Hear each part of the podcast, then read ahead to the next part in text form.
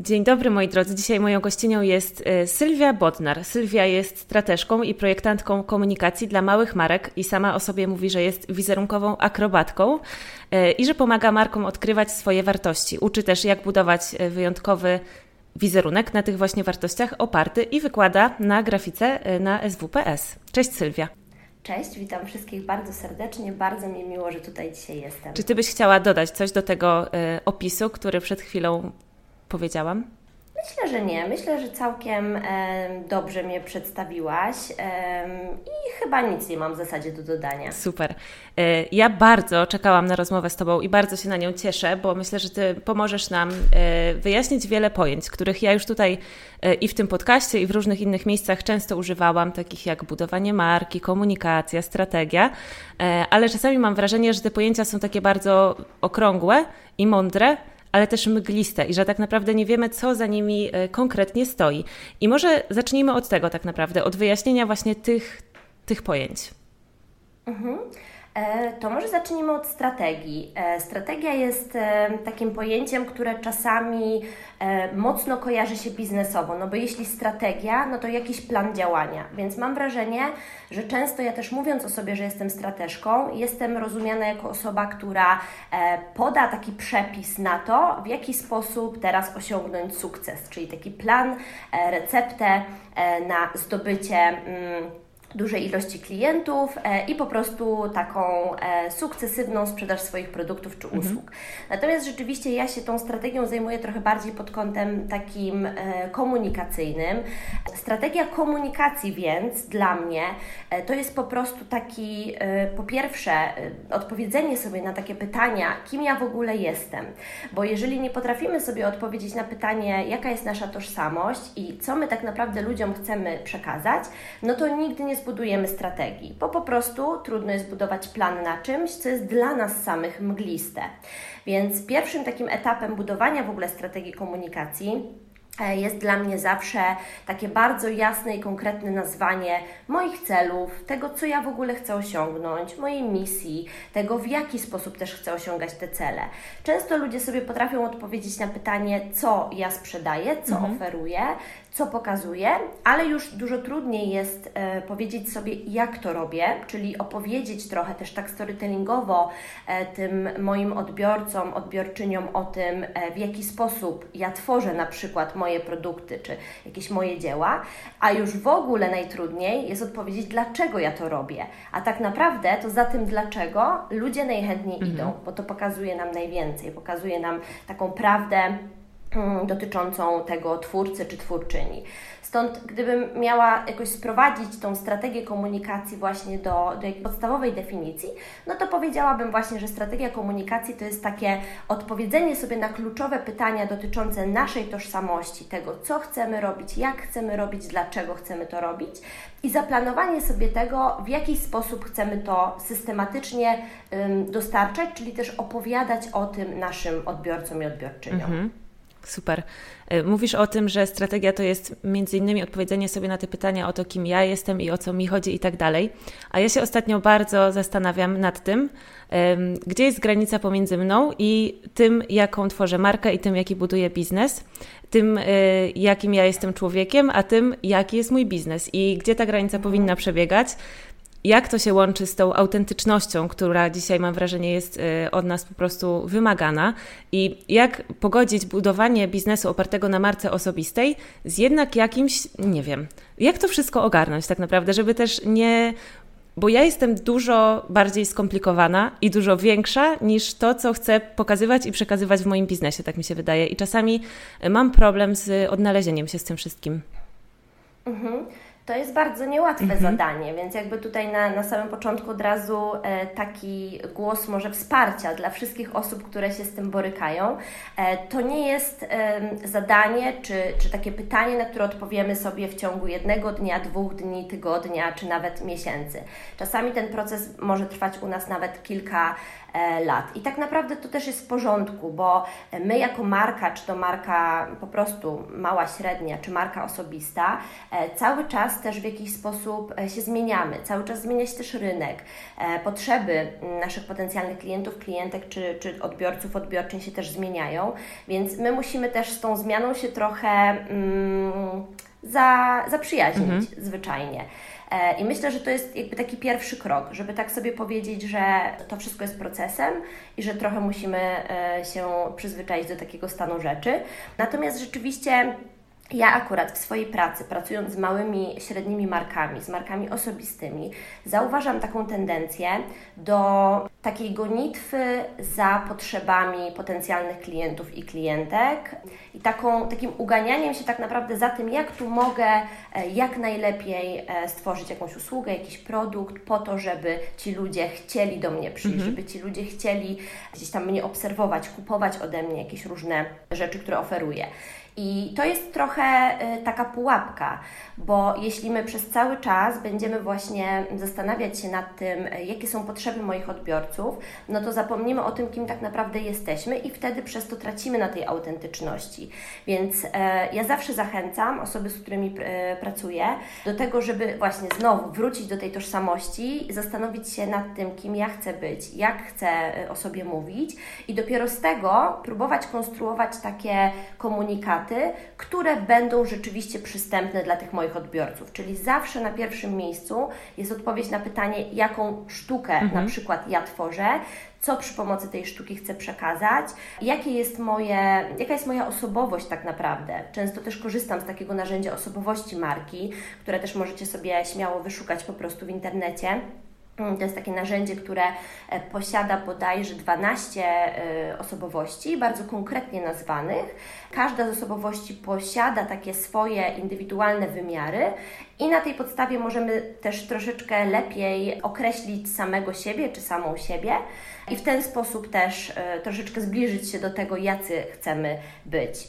Więc odpowiadając na Twoje pytanie, myślę, że musimy znaleźć ten balans, co nie jest oczywiście łatwe, natomiast bardzo pomaga w tym postawienie siebie i swojej tożsamości E, na pierwszym miejscu, a dopiero później takie sprawdzanie, w jaki sposób mogę o tym opowiedzieć, mhm. żeby dla ludzi to było logiczne, ciekawe, interesujące i do tego już mogą nam posłużyć jakieś takie narzędzia bardziej na przykład badawcze, czyli um, przeprowadzanie ankiet na przykład z naszymi. Um, potencjalnymi klientami, klientkami, czy nawet na Instagramie można skorzystać z tych narzędzi, które daje Stories e, i tam też mamy te ankiety, mhm. E, co myślę, że też jest super sposobem, no bo przecież to jest łatwe, szybkie, proste, a zawsze możemy poznać w jakiś sposób już naszych odbiorców czy odbiorczynie. Dobra, to powiedzmy, że ktoś jest mną na przykład, albo po prostu może by się zająć moim przypadkiem i buduję biznes podobny do mojego, czyli e, artystyczny i oparty właśnie na tym, co tworzę i w dużej mierze też na marce osobistej w pewnym sensie, to znaczy jakby ja jako artystka jestem e, bardzo obecna w tej marce i gdyby mnie zabrakło, to pewnie to by się wszystko rozpadło, no bo jakoś to by chyba już nie miało sensu. E, I jak w takim przypadku zabrać się właśnie za tworzenie tej strategii komunikacji? E, no właśnie, tutaj e, jeżeli pra, taka osoba e, pracuje z kimś, kimś takim na przykład jak ja, no to zwykle zaczynamy właśnie od badań, mhm. ale te badania skupiają się głównie na e, wydobywaniu tej tożsamości osoby, która tworzy markę, jakąś organizację, czy, czy jakiś po prostu produkt czy usługę. Więc zawsze zaczynamy od odpowiedzenia sobie na te kluczowe pytania, e, które Wam już powiedziałam, co, jak, dlaczego e, i wydobywamy to, jaka jest ta osoba, czyli właśnie próbujemy też sobie określić, jaką osobowość ta persona będzie przedstawiać no, w sieci, czy, czy właśnie w mediach społecznościowych, czy gdziekolwiek e, będzie miała jej marka styczność mhm. z tym potencjalnym klientem, klientką. Więc to, są, to, są, to jest taka podstawa podstaw. Ja przeprowadzam zwykle mm, ku temu wywiad z taką osobą, z twórcą czy stwórczynią, artystą, artystką, osobą, która chce zacząć komunikować na zewnątrz e, i na podstawie tego wywiadu przygotowuję taką esencję.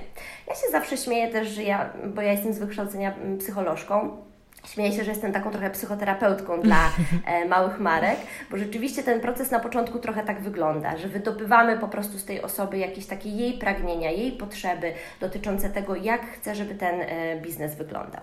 No i po tym etapie e, musimy rzeczywiście przejść do takiej fazy, w której zderzymy trochę mm, ten światopogląd, ten, tą tożsamość twórcy, twórczyni z rynkiem, czyli z tym, czego faktycznie potrzebujemy potrzebują ludzie. I to jest taka faza, w której albo mm, właśnie przeprowadzamy badania, czy pytamy po prostu e, osoby, które potencjalnie mogą być zainteresowane tym produktem czy usługą, czego im trzeba, albo dlaczego chciałyby kupić ten produkt, dlaczego chciałyby skorzystać z tej usługi. I to jest taki moment, w którym trochę rewidujemy właśnie tą tożsamość i to, czy ta tożsamość tego twórcy, twórczyni odnajdzie się na rynku, czy znajdzie po prostu swoje grono mhm. odbiorców. No i szczęśliwie okazuje się zwykle, że znajdzie e, i naprawdę dla każdego na tym rynku jest miejsce, tylko trzeba znaleźć sobie sposób na takie kreatywne, ciekawe zaprezentowanie tego swoje, tej swojej tożsamości. I to nazywam właśnie w efekcie wizerunkiem, czyli już zamiana tej tożsamości, zamiana wszystkich tych e, elementów, które wydobyliśmy na poziomie właśnie na przykład wywiadu, to jest właśnie ten, ten wizerunek, który już na zewnątrz e, jest w jakiś sposób odbierany. I oczywiście my też możemy później badać, w jaki sposób jesteśmy odbierani. Także ten, ten proces ma, ma wiele takich etapów. Natomiast rzeczywiście zawsze zaczynamy od wydobycia tej tożsamości i później sprawdzamy, czy ta tożsamość rzeczywiście odnajdzie się na rynku. Jeżeli jest tak, że mm, E, ci potencjalni klienci i klientki zgłaszają jakieś potrzeby mhm. wobec, no tutaj weźmy sobie na przykład e, sztukę, mhm. obrazy, czyli coś, co zdobi mieszkanie, e, coś, co może też zostać kupione na prezent komuś, czyli tutaj już wchodzimy trochę tak bardziej właśnie w te konkretne potrzeby e, i w to, po co w ogóle komu jest nasz produkt, no. prawda? Mhm. E, w to się zagłębiamy i to sprawdzamy. I teraz musimy sprawdzić, czy rzeczywiście te nasze produkty będą tym ludziom potrzebne, prawda? I sprawdzić, w jaki sposób mamy o nich powiedzieć, żeby ci ludzie zauważyli, że te produkty są im potrzebne. Więc to mhm. jest cały czas takie zadawanie sobie pytań, a później zadawanie pytań tym naszym potencjalnym klientom i klientkom. Więc takie dwie fazy, mhm. tak bym to mniej więcej ujęła. Wow, super. Dużo y, pytań mi otworzyłaś teraz tym, co powiedziałaś. Zacznijmy może od tych badań. Jak je przeprowadzić mhm. i też jak je przeprowadzić, jeżeli ktoś na przykład nie ma jeszcze społeczności zgromadzonej wokół siebie. Mhm. Wtedy musimy się zastanowić po prostu, e, kto może być moim potencjalnym klientem bądź klientką i sobie taką osobę nawet z mhm, bliskiego mm -hmm. grona znaleźć. Czyli jeżeli ja stwierdzam, że mm, moje obrazy mogą e, na przykład e, zdobić e, mieszkanie osoby, która jest wrażliwa na sztukę, e, która na przykład e, studiuje jakiś kierunek związany z dziedziną kreatywną, szukamy sobie takich punktów styku naszej, e, naszego produktu z zainteresowaniami tego potencjalnego klienta, klientki. Jak sobie odpowiemy na to pytanie, kto to może być, łapiemy sobie wtedy z naszego bliskiego otoczenia jakąś taką osobę, która może przejawiać takie zainteresowanie naszą sztuką. Wtedy nazywamy ją sobie albo personą, albo właśnie takim potencjalnym klientem, klientką i z tą osobą sprawdzamy. Tak naprawdę czasami wystarczy zapytać, nie wiem, jakiegoś nawet swojego przyjaciela, przyjaciółkę, żeby trochę właśnie otworzyć sobie głowę i zapytać, słuchaj, gdybyś miała kupić obraz do swojego domu, mhm. no to gdzie byś szukała? Mhm. I od razu nam się pojawia informacja, gdzie nasi potencjalni klienci, klientki mogą szukać takich produktów. A gdybyś na przykład taki e, obraz chciała kupić, czy chciał kupić na prezent, e, to czym byś się kierował, kierowała?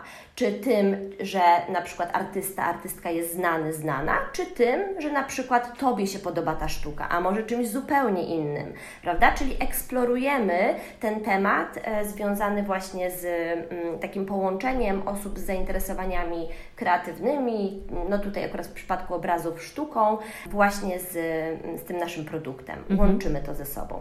A jeśli ktoś ma swoją społeczność, no to oczywiście jest dużo łatwiej, no bo tą społeczność e, może zapytać, nie musi nigdzie szukać, nie musimy tutaj już e, nic wymyślać, bo automatycznie wiemy, kogo przyciągnęliśmy już do tego naszego. Mhm do tego naszego otoczenia. Okej, okay, super. Czyli jak już zrobimy sobie takie badania i wiemy właśnie, y, jakich, jaki typ ludzi przyciągnęliśmy, y, dlaczego oni z nami są, y, czego szukają i z jakiego powodu chcieliby na przykład kupować nasze produkty i mamy od nich te wszystkie odpowiedzi, to co z tym później się robi? No, nad tym musimy się e, jakby tak pochylić, mhm. tak? Czyli znowu wejść w taki proces e, projektowy, ja to tak nazywam, czyli taki proces, w którym rozkładamy wszystkie te elementy mm, no, na części pierwsze. E, możemy to zrobić przy pomocy na przykład takich karteczek post-it, które mam tutaj akurat ze sobą, zawsze mam je gdzieś pod ręką i na przykład porozpisywać sobie tak zwane insighty. Powiem krótko, czym jest insight, bo wiem, że to może być pojęcie takie mm, nie dla wszystkich zrozumiałe, E, insight to jest takie pewne bardzo konkretne spostrzeżenie, dające nam e, jakąś bardzo wnikliwą informację na temat naszego na przykład potencjalnego klienta. I takim insightem może być na przykład to, że jak jedziemy sobie tramwajem, obserwujemy osobę, która czyta książkę, to możemy dostrzec, że ta osoba e, liże palec, zanim przewróci mhm, stronę. mhm prawda? I to jest taka, e, takie spostrzeżenie, zwykle insight jest pewnym spostrzeżeniem, które daje nam e, odpowiedź na pytanie, w jaki sposób dana osoba korzysta z danego produktu. Więc jeśli my znajdziemy sobie e, te spostrzeżenia na temat naszych potencjalnych klientów i klientek, to dowiemy się na przykład, w jaki sposób ludzie korzystają z naszych produktów, co pozwoli nam pokazywać taką komunikację, która będzie odpowiadała na ich potrzeby.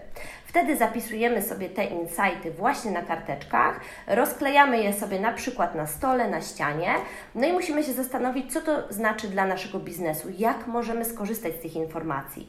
To jest też ciekawe, bo. Yy, bardzo często, gdy pozyskuje się te dane, tych danych jest bardzo mhm. dużo, tak? I teraz co wybrać?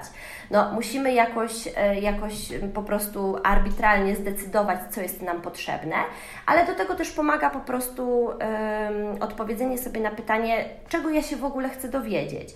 Bo jeśli chcę na przykład dowiedzieć się, jak, o jakie produkty poszerzyć moją ofertę, no to to jest mój cel badawczy.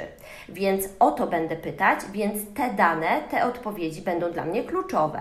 A jeśli będę chciała zadać pytanie mm, troszeczkę inaczej, bo będą mi potrzebne innego rodzaju informacje, no to wiadomo, że wtedy skupię się na innym aspekcie, prawda? Więc to już w pewien sposób e, pomaga nam zadecydować, które odpowiedzi są nam potrzebne, w zależności od tego, co akurat chcemy zrobić z naszą marką. Mhm.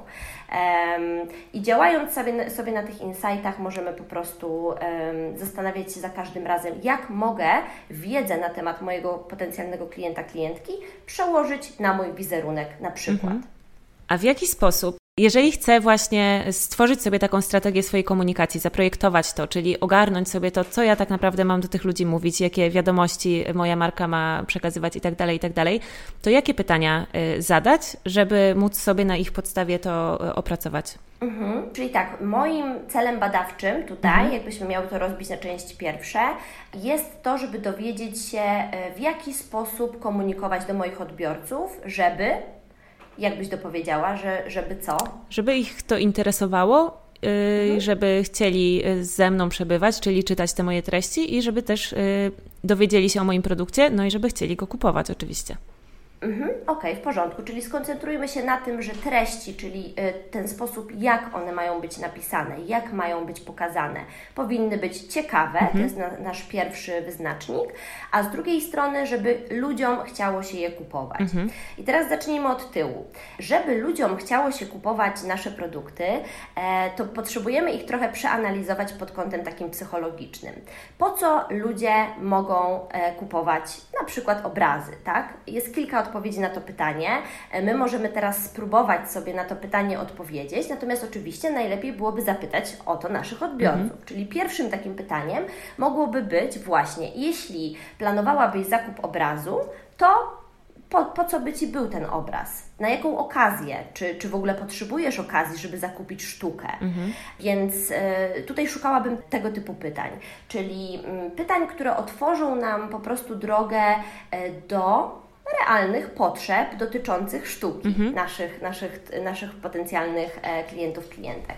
Z drugiej strony, jeżeli chcemy dowiedzieć się, jakie treści mogłyby być dla nich ciekawe, czyli wracamy sobie do tego punktu pierwszego, e, tutaj sprawa jest dość prosta, bo okazuje się, że jeżeli my z taką osobą e, prowadzimy wywiad, e, zadajemy jej różne pytania, to już nawet nieważne jakie, w każdym razie musimy się obracać wokół tematu naszej, naszej dziedziny, czyli jeśli ja maluję obrazy, no to obracam się w temacie sztuki.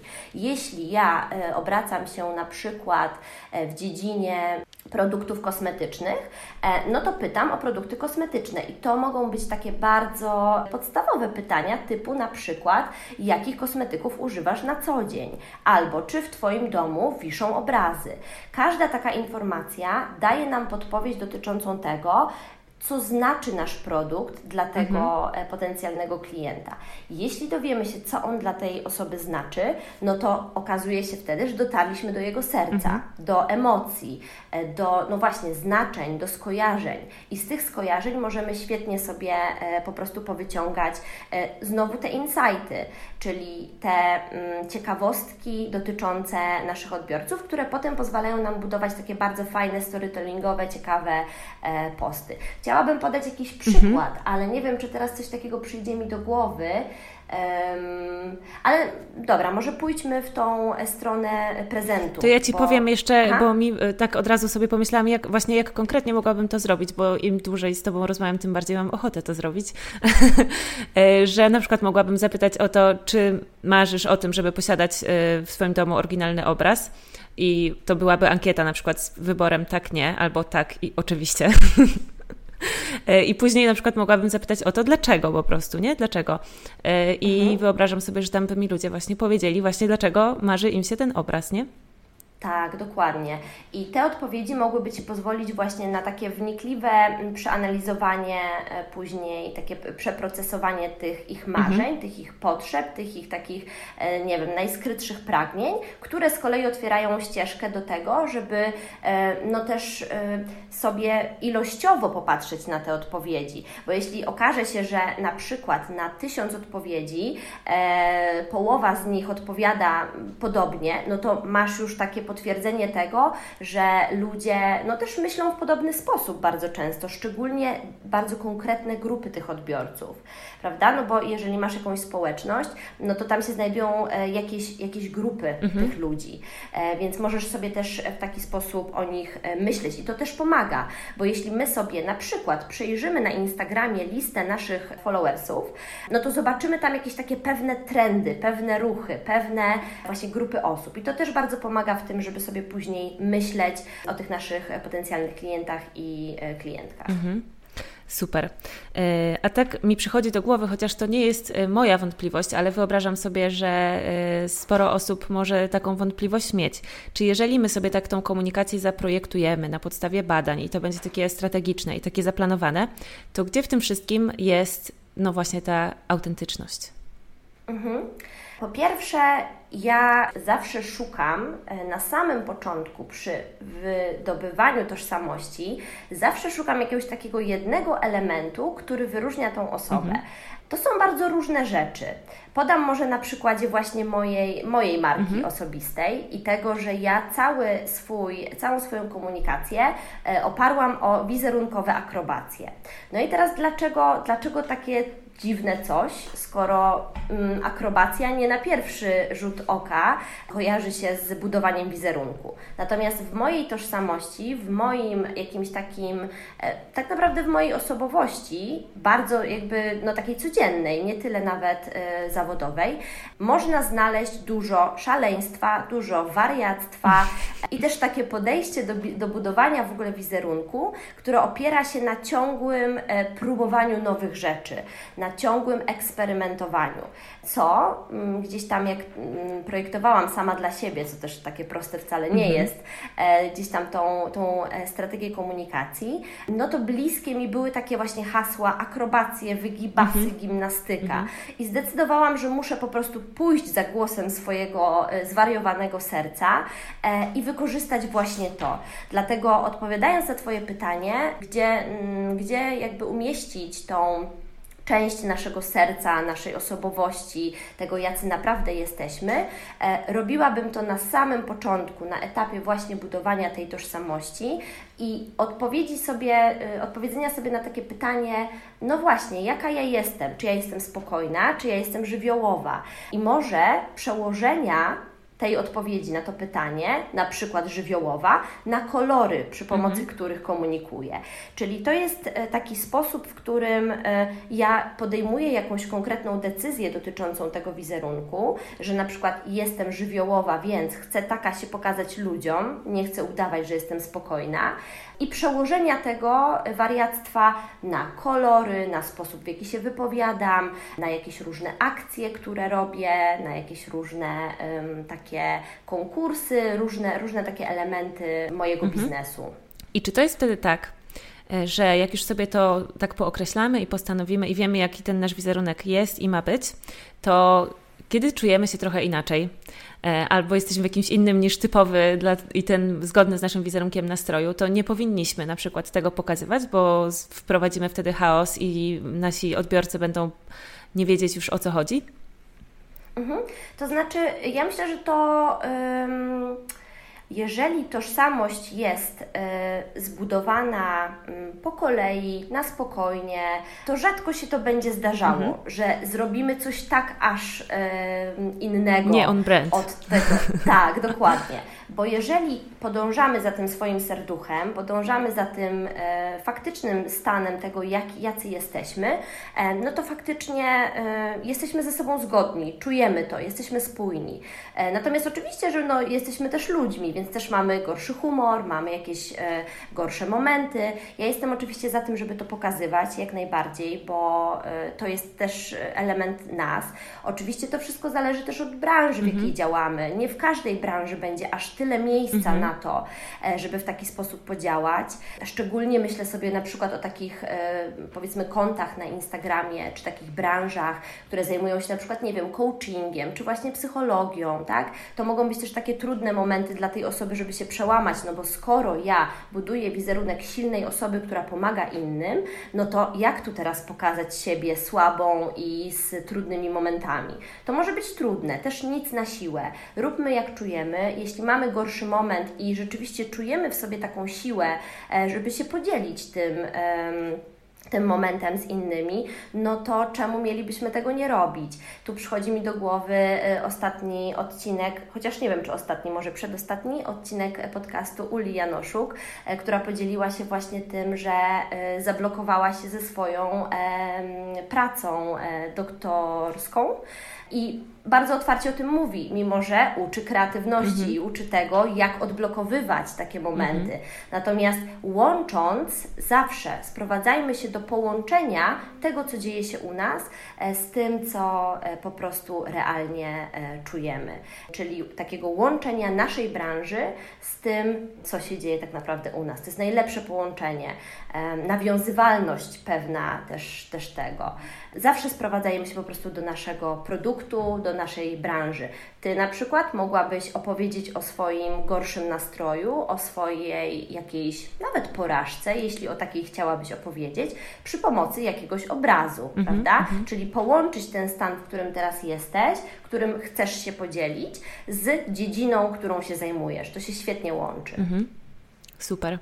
A co jeżeli właśnie nie mam ochoty e, się tak uzewnętrzniać i mm, bardziej dla mnie atrakcyjne i bezpieczniejsze i w ogóle fajniejsze wydaje się takie zbudowanie e, jakiejś persony, jakiegoś właśnie takiego, takiej osobowości e, mojej marki i takiej persony Kasia Ekes, która występuje właśnie gdzieś tam w internecie i niekoniecznie to musi być całkowicie zgodne z tym, jak ja się właśnie danego dnia czuję i tak dalej, i tak dalej. Czy to jest też ok?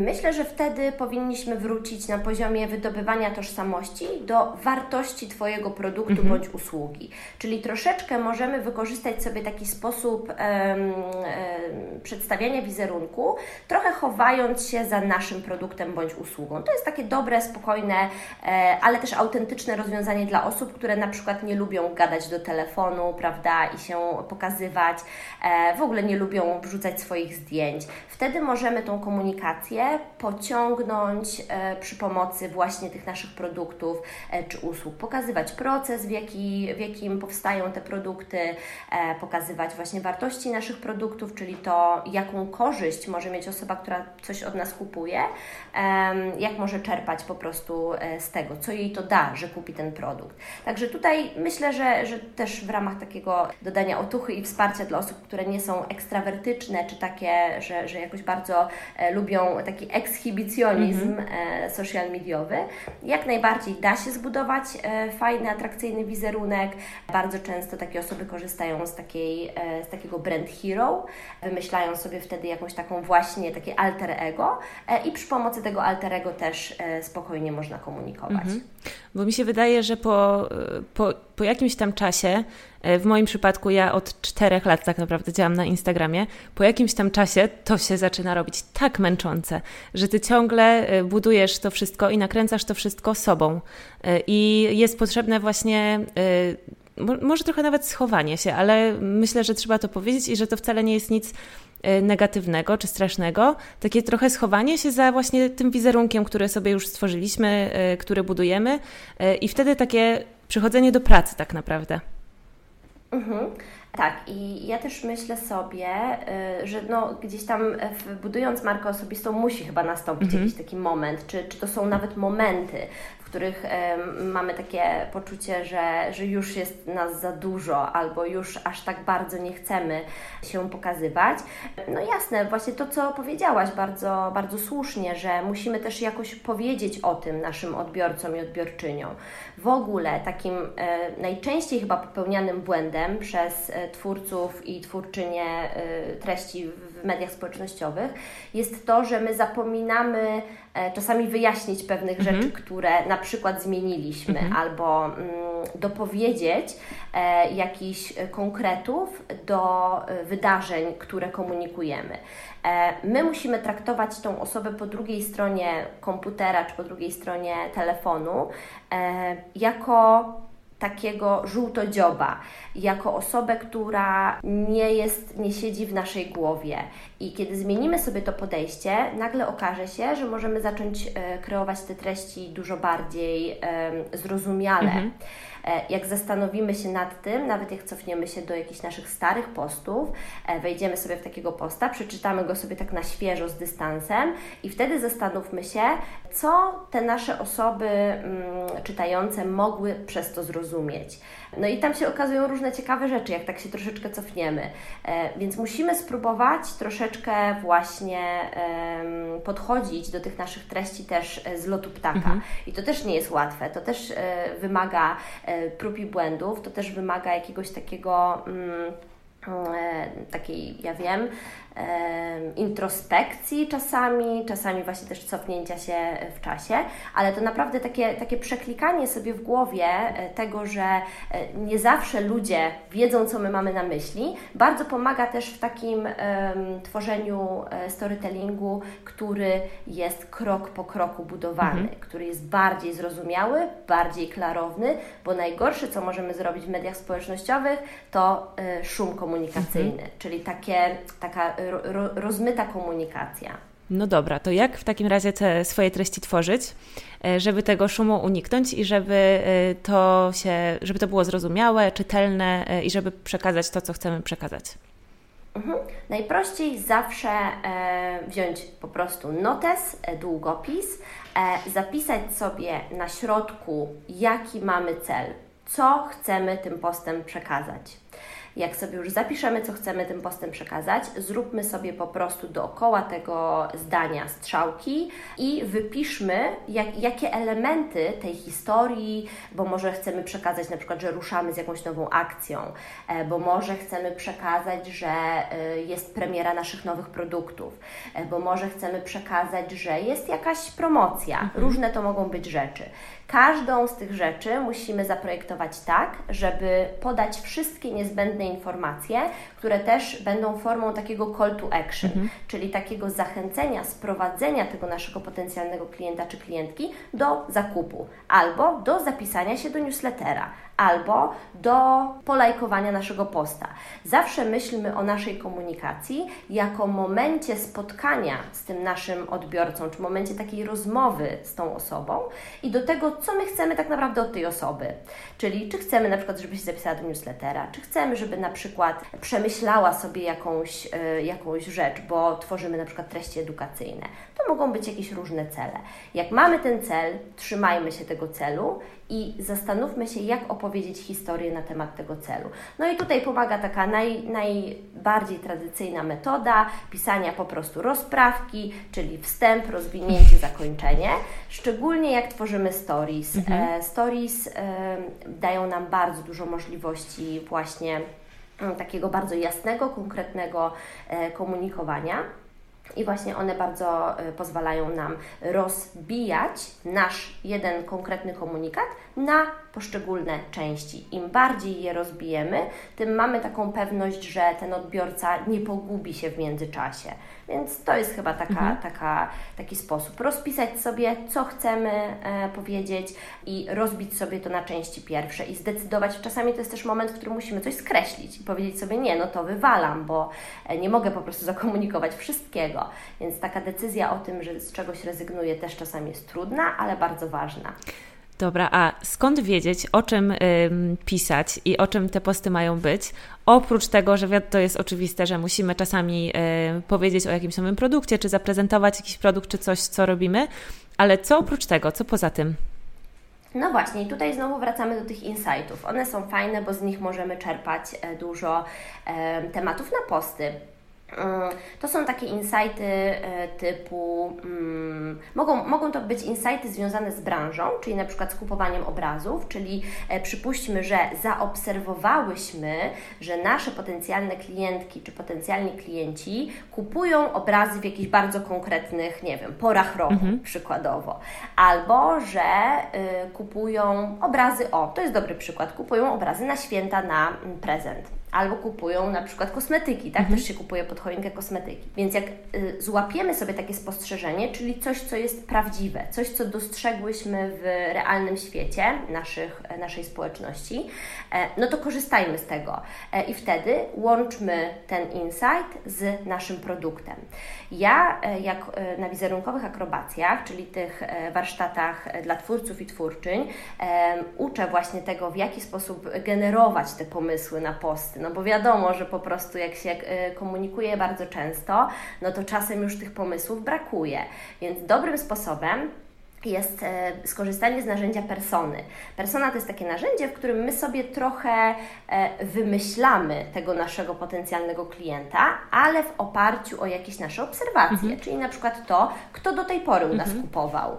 Zastanawiamy się, no dobra, w sumie mam dużo takich, e, nie wiem, kobiet, klientek, które mają y, dzieci, tak? Jakoś zwykle akurat wiem o tym, że moje klientki y, mają y, dzieci, bo jakoś o tym mówią, komunikują to, bo widzę to na przykład na ich profilach na Instagramie i na przykład zwykle pracują w branży, nie wiem, IT albo w branży kreatywnej próbuję sobie jakoś to nazwać. Kiedy mam taką personę, mam wytypowane jakieś jej zainteresowania, jakieś jej e, takie ym, cechy szczególne, bardzo konkretne, no to na podstawie tego mogę też kreować posty, czyli łączyć jej świat z moim światem. I to jest absolutnie najfajniejsze mhm. narzędzie, które, które pozwala mi później właśnie generować posty. Czyli jeśli na przykład wiem, że Przykładowo moja klientka właśnie ma dzieci i pracuje w branży IT, a ja zajmuję się na przykład sztuką. To jest akurat ciekawe, co tu wymyśliłam, ale spróbujmy. E, I ona, i, i, ja się zajmuję sztuką, a ona pracuje w IT. Ok, ale mogę na przykład dla mhm. niej e, przygotować post o aplikacjach do e, wyszukiwania obrazów w sieci. Na mhm. Nie? Więc to jest takie łączenie jej świata z moim światem, po to, żeby jej pokazać, że ja ją rozumiem, wiem, czym ona się interesuje, a oprócz tego pokazuję jej tym samym ten mój świat i, i proponuję jej też moje produkty. Mhm.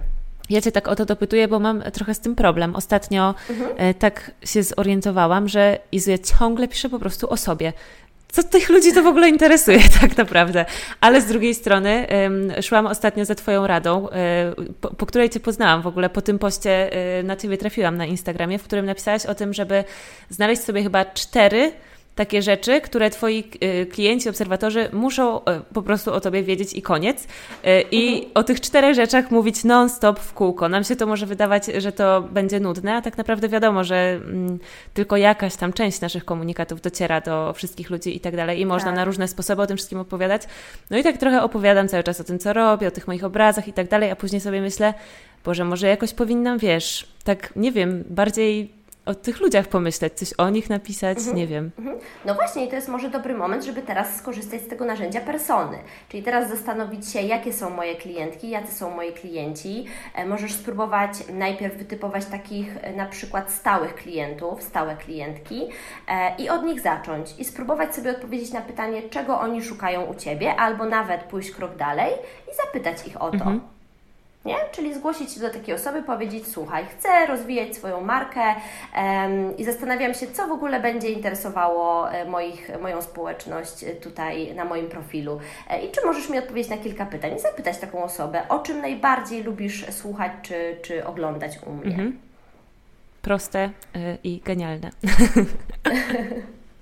Super. A powiedz, Sylwia, jak Twoim zdaniem to wszystko, o czym mówimy, właśnie komunikacja, strategia, budowanie marki i tak dalej, e, ma się do artystów i jak w dzisiejszych czasach artyści e, mogą e, z tego korzystać i no właśnie budować swoje artystyczne biznesy? Mhm. Ja myślę, że w ogóle artyści są e, takim bardzo ciekawym, ciekawą grupą, dla której mam przyjemność e, wielokrotnie pracować, ale też taką ciekawą grupą pod kątem w ogóle myślenia o komunikacji marki. Mhm.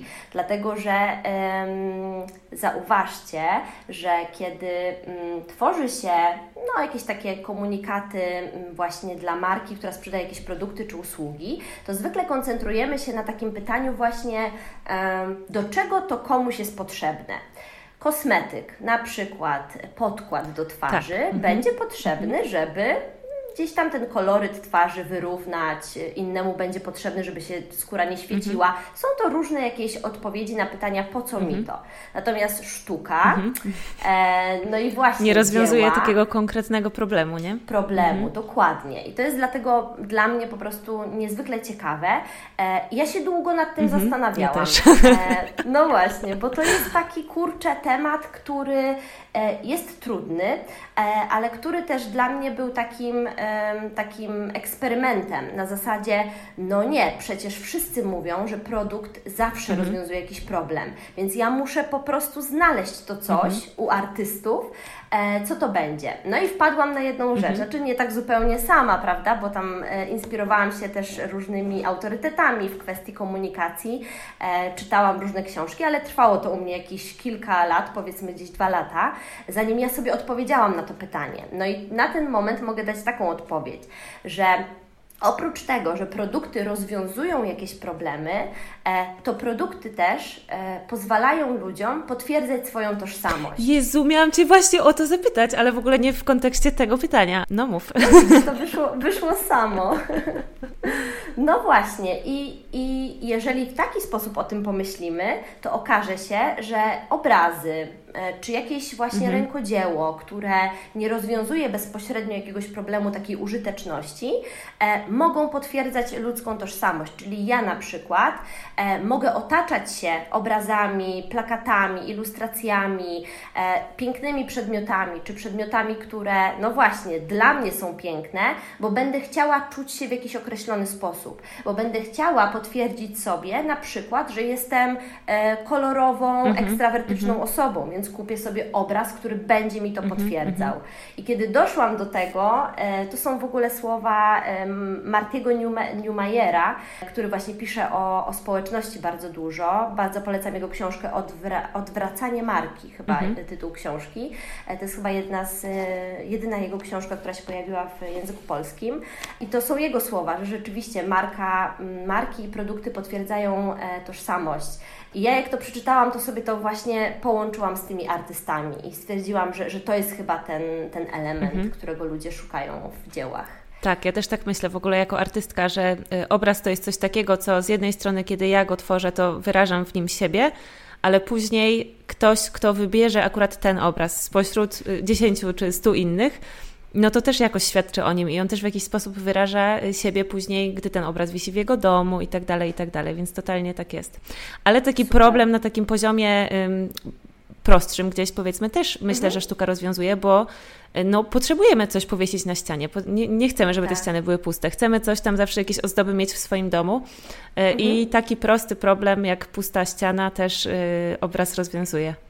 Tak, tak. I to mi też od razu przywiodło na myśl taki e, cytat pewnego e, ekonomisty mhm. z kolei, który powiedział, że ludzie nie potrzebują e, półcentymetrowego wiertła, tylko potrzebują półcentymetrowej dziury w ścianie. Mhm. Więc myślenie też o tych potrzebach na zasadzie tego, że nasze produkty, tutaj w tym przypadku na przykład obrazy, są jakąś, jakimś półśrodkiem do osiągnięcia pewnego celu, prawda? Czyli nie celu samego w sobie jako obrazu, chociaż tutaj w sztuce, w kolekcjonerstwie też moglibyśmy o tym jakoś dyskutować, ale tak bardzo bezpośrednio, e, lifestyle'owo powiedzmy, ludzie po prostu właśnie kupują obrazy, żeby powiesić sobie coś na ścianie. Mhm. Ja, ja myślę, że z drugiej, że jakby to mm, są takie dwa aspekty tego, że ludzie wyrażają swoją tożsamość kupując jakiś obraz, bo po pierwsze ten mhm. obraz jakoś tam wyraża ich esencję, ich y, tożsamość, ich y, osobowość i tak dalej, ale po drugie myślę, że jest też coś takiego, że jest to, są określone skojarzenia, jest określona grupa ludzi, która ma w swoim domu y, dzieła sztuki. Y, I mhm. myślę, że można do tego aspirować, żeby na przykład jak będę duża i będę dobrze zarabiać, to w moim domu będą wisały prawdziwe obrazy i później na przykład rzeczywiście to sobie realizuję. Mhm, tak, ja mam tak z kwiatami na przykład. Jak byłam mała, to mama zawsze mówiła, że a kwiaty cięte to taki mhm, przeżytek, mhm. tak? No tak sobie Więdną. postawimy zaraz zwiędną bez sensu, prawda? Lepiej już doniczka. Natomiast teraz będąc już dorosłą osobą, lubię sobie kupić cięte kwiaty, bo sobie potwierdzam gdzieś tam też taką swoją, e, taką część siebie, że jednak ta przemijalność mhm. tych kwiatów też ma jakąś wartość I, i też dla mnie to jest takie urocze i ciekawe w tym świecie, prawda? Że sobie ten kwiatek zwiędnie po prostu przez, tylko przez krótki moment mogę się z niego cieszyć. No właśnie, kwiaty też nie rozwiązują problemu tak naprawdę. Tak, to też tak, jest ta inna kategoria rzeczy, nie? Że dla, dla własnej tak. przyjemności to po prostu kupujemy. Mhm, mhm. Totalnie.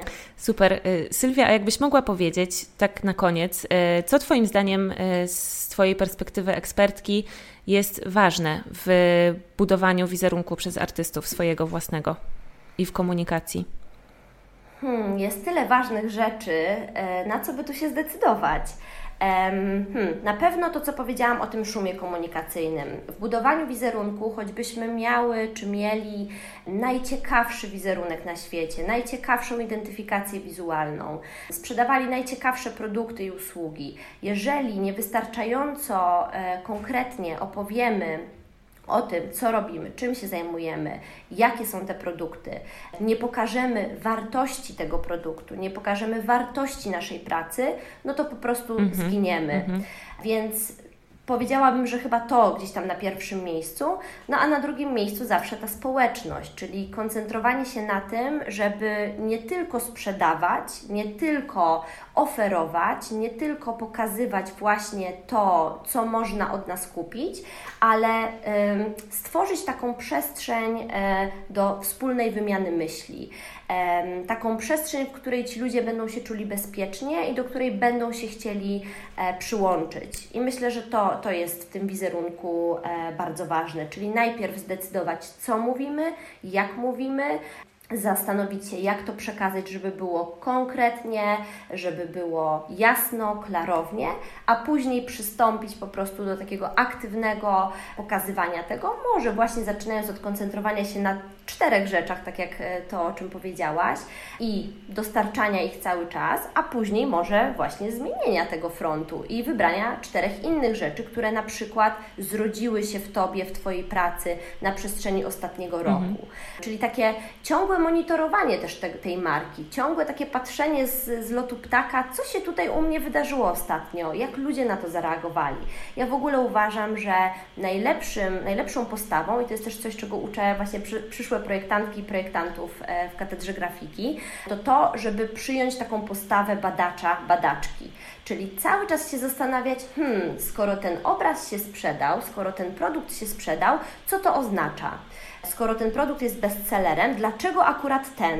Prawda? Bo to nam znowu rodzi odpowiedzi na pytanie, czego moi ludzie szukają u mnie, skoro ten produkt akurat został e, wyprzedany najszybciej, no to musi to oznaczać, że jakoś się szczególnie spodobał. Więc próbuję odpowiedzieć sobie na pytanie, może przy udziale moich potencjalnych klientów, czy, czy realnych klientów, klientek, co im się takiego spodobało w tym obrazie. I jeśli przyjmiemy taką po, po, postawę badacza czy badaczki, e, będzie nam znacznie łatwiej po prostu e, budować ten wizerunek. Mhm. Powiedziałaś jedną fajną rzecz, o którą Cię jeszcze poproszę, żebyś rozwinęła i dopytam. Mhm. Zawsze tak jest, jak zadam ostatnie pytanie, że w odpowiedzi jest coś, o co jeszcze chcę dopytać. Powiedziałaś o tym, że musimy pokazywać wartość naszych produktów i komunikować wartość naszej pracy. E, co to znaczy i jak to robić? Mhm. Mm, żeby komunikować wartość, e, no to musimy najpierw sobie odpowiedzieć, e, jaka jest ta mhm. wartość. Mhm. I tutaj znowu e, wracam zawsze do tej tożsamości i do tego pierwszego etapu naszego myślenia w ogóle o marce. Oczywiście mam tutaj na myśli mm, moment, w którym mm, na przykład dopiero mm, stawiamy naszą markę, bo y, absolutnie można robić to w trakcie, mhm. kiedy już tą markę mamy. E, i kiedy ona już jest zbudowana, my tak naprawdę w każdym momencie powinniśmy się zastanawiać nad tym, e, jaka jest wartość tych naszych produktów. No i podam chyba taki najłatwiejszy sposób na to, jak e, tą wartość wydobyć. Po prostu wczytać się bardzo skrupulatnie w opinie, które, czy feedback, który zostawiają nam nasi potencjalni, niepotencjalni, ci nasi realni mhm klienci i klientki, czyli osoby, do których ten produkt trafił, które ten produkt zakupiły e, i okazuje się, że te osoby nam dają na tacy po prostu odpowiedź na pytanie, co ich skłoniło do tego zakupu, albo e, co ten produkt zrobił dla nich. Mhm. E, co zrobił właśnie e, w, w trakcie, kiedy już go e, używali, czy jeżeli oferujemy usługę, no to co ta usługa zmieniła w ich życiu tak naprawdę, czyli właśnie jaki problem rozwiązała.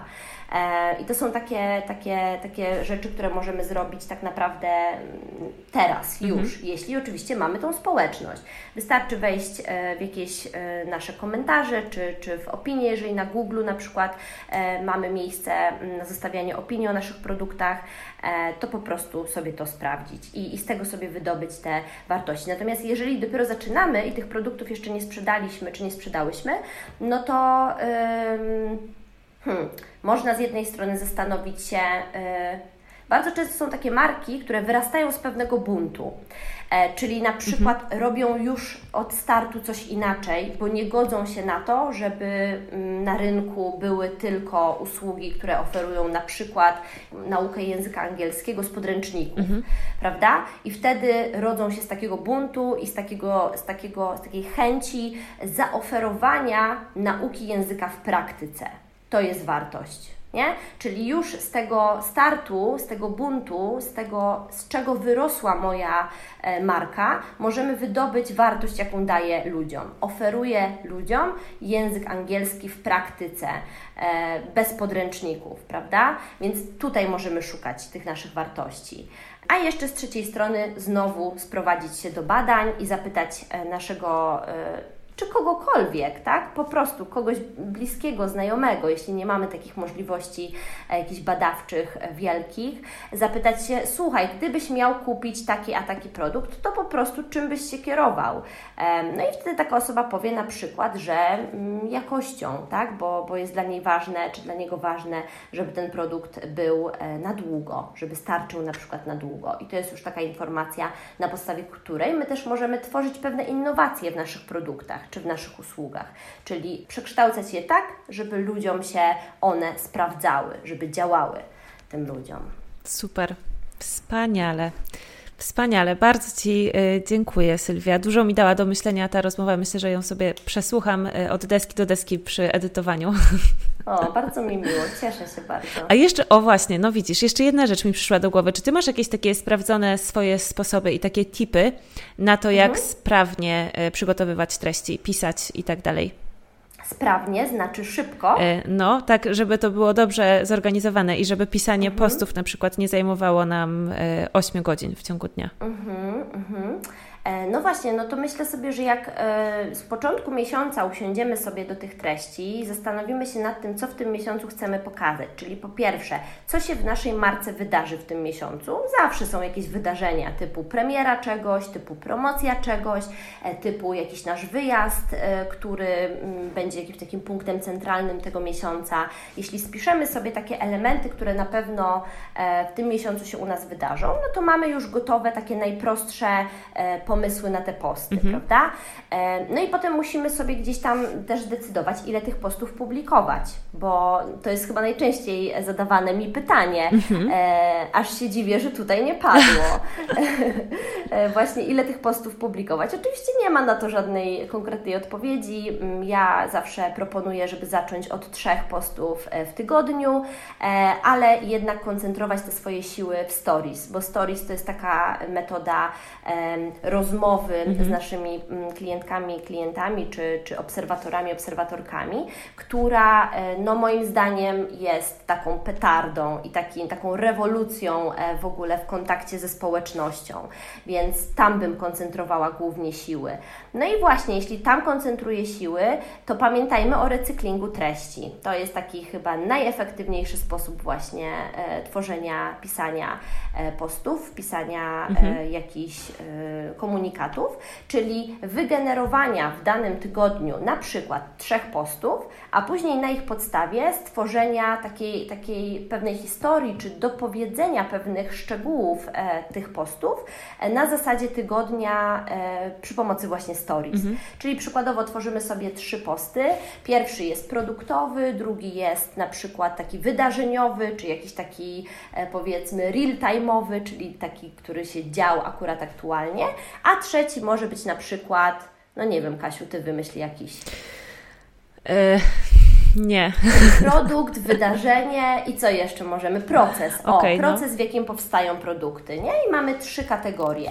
I z tych trzech kategorii piszemy jedne treści e, na zasadzie siadamy, piszemy po prostu e, treść do posta i z tej treści potem wyciągamy highlighty do stories przez cały tydzień. Kropka. To jest chyba jedyny taki sposób, e, który jest szybki, łatwy, czyli recykling treści, czyli reużywanie mhm. treści raz napisanych. Ja to na przykład stosuję też z artykułami. Napis, napiszę sobie jeden artykuł dotyczący na przykład właśnie, nie wiem, budowania wizerunku małej marki i potem wyciągam w ciągu całego miesiąca highlighty z niego na zasadzie cytatów na przykład. I to mi bardzo ułatwia pracę. Bardzo ułatwia też taki kryzys. Jak nie wiem, co mam wrzucić, to wyciągam sobie cytat z tego artykułu. Wspaniale, super rada. E, bardzo Ci dziękuję, Sylwia, za tą rozmowę. E, myślę, że e, będzie ona super pomocna dla naszych słuchaczek i słuchaczy. I myślę, że na koniec możemy też powiedzieć, zdradzić to już, chociaż to nie jest jakieś takie mega super oficjalne jeszcze, ale Sylwia będzie jedną z ekspertek w drugiej edycji pracowni i będzie tam przygotowywała dla członków, członkiń materiały dotyczące właśnie marketingu, budowania wizerunku, yy, tworzenia treści i tych wszystkich super rzeczy, o których dzisiaj rozmawiałyśmy. Tak, będzie dużo podpowiedzi, dużo realnych przykładów, także będzie naprawdę się działo i mam nadzieję, że to Wam bardzo pomoże właśnie później w kreowaniu tych treści u siebie. Super. Dziękuję Ci bardzo, bardzo, Sylwia. Powiedz jeszcze, y, gdzie Cię można znaleźć na koniec w internecie. Mhm.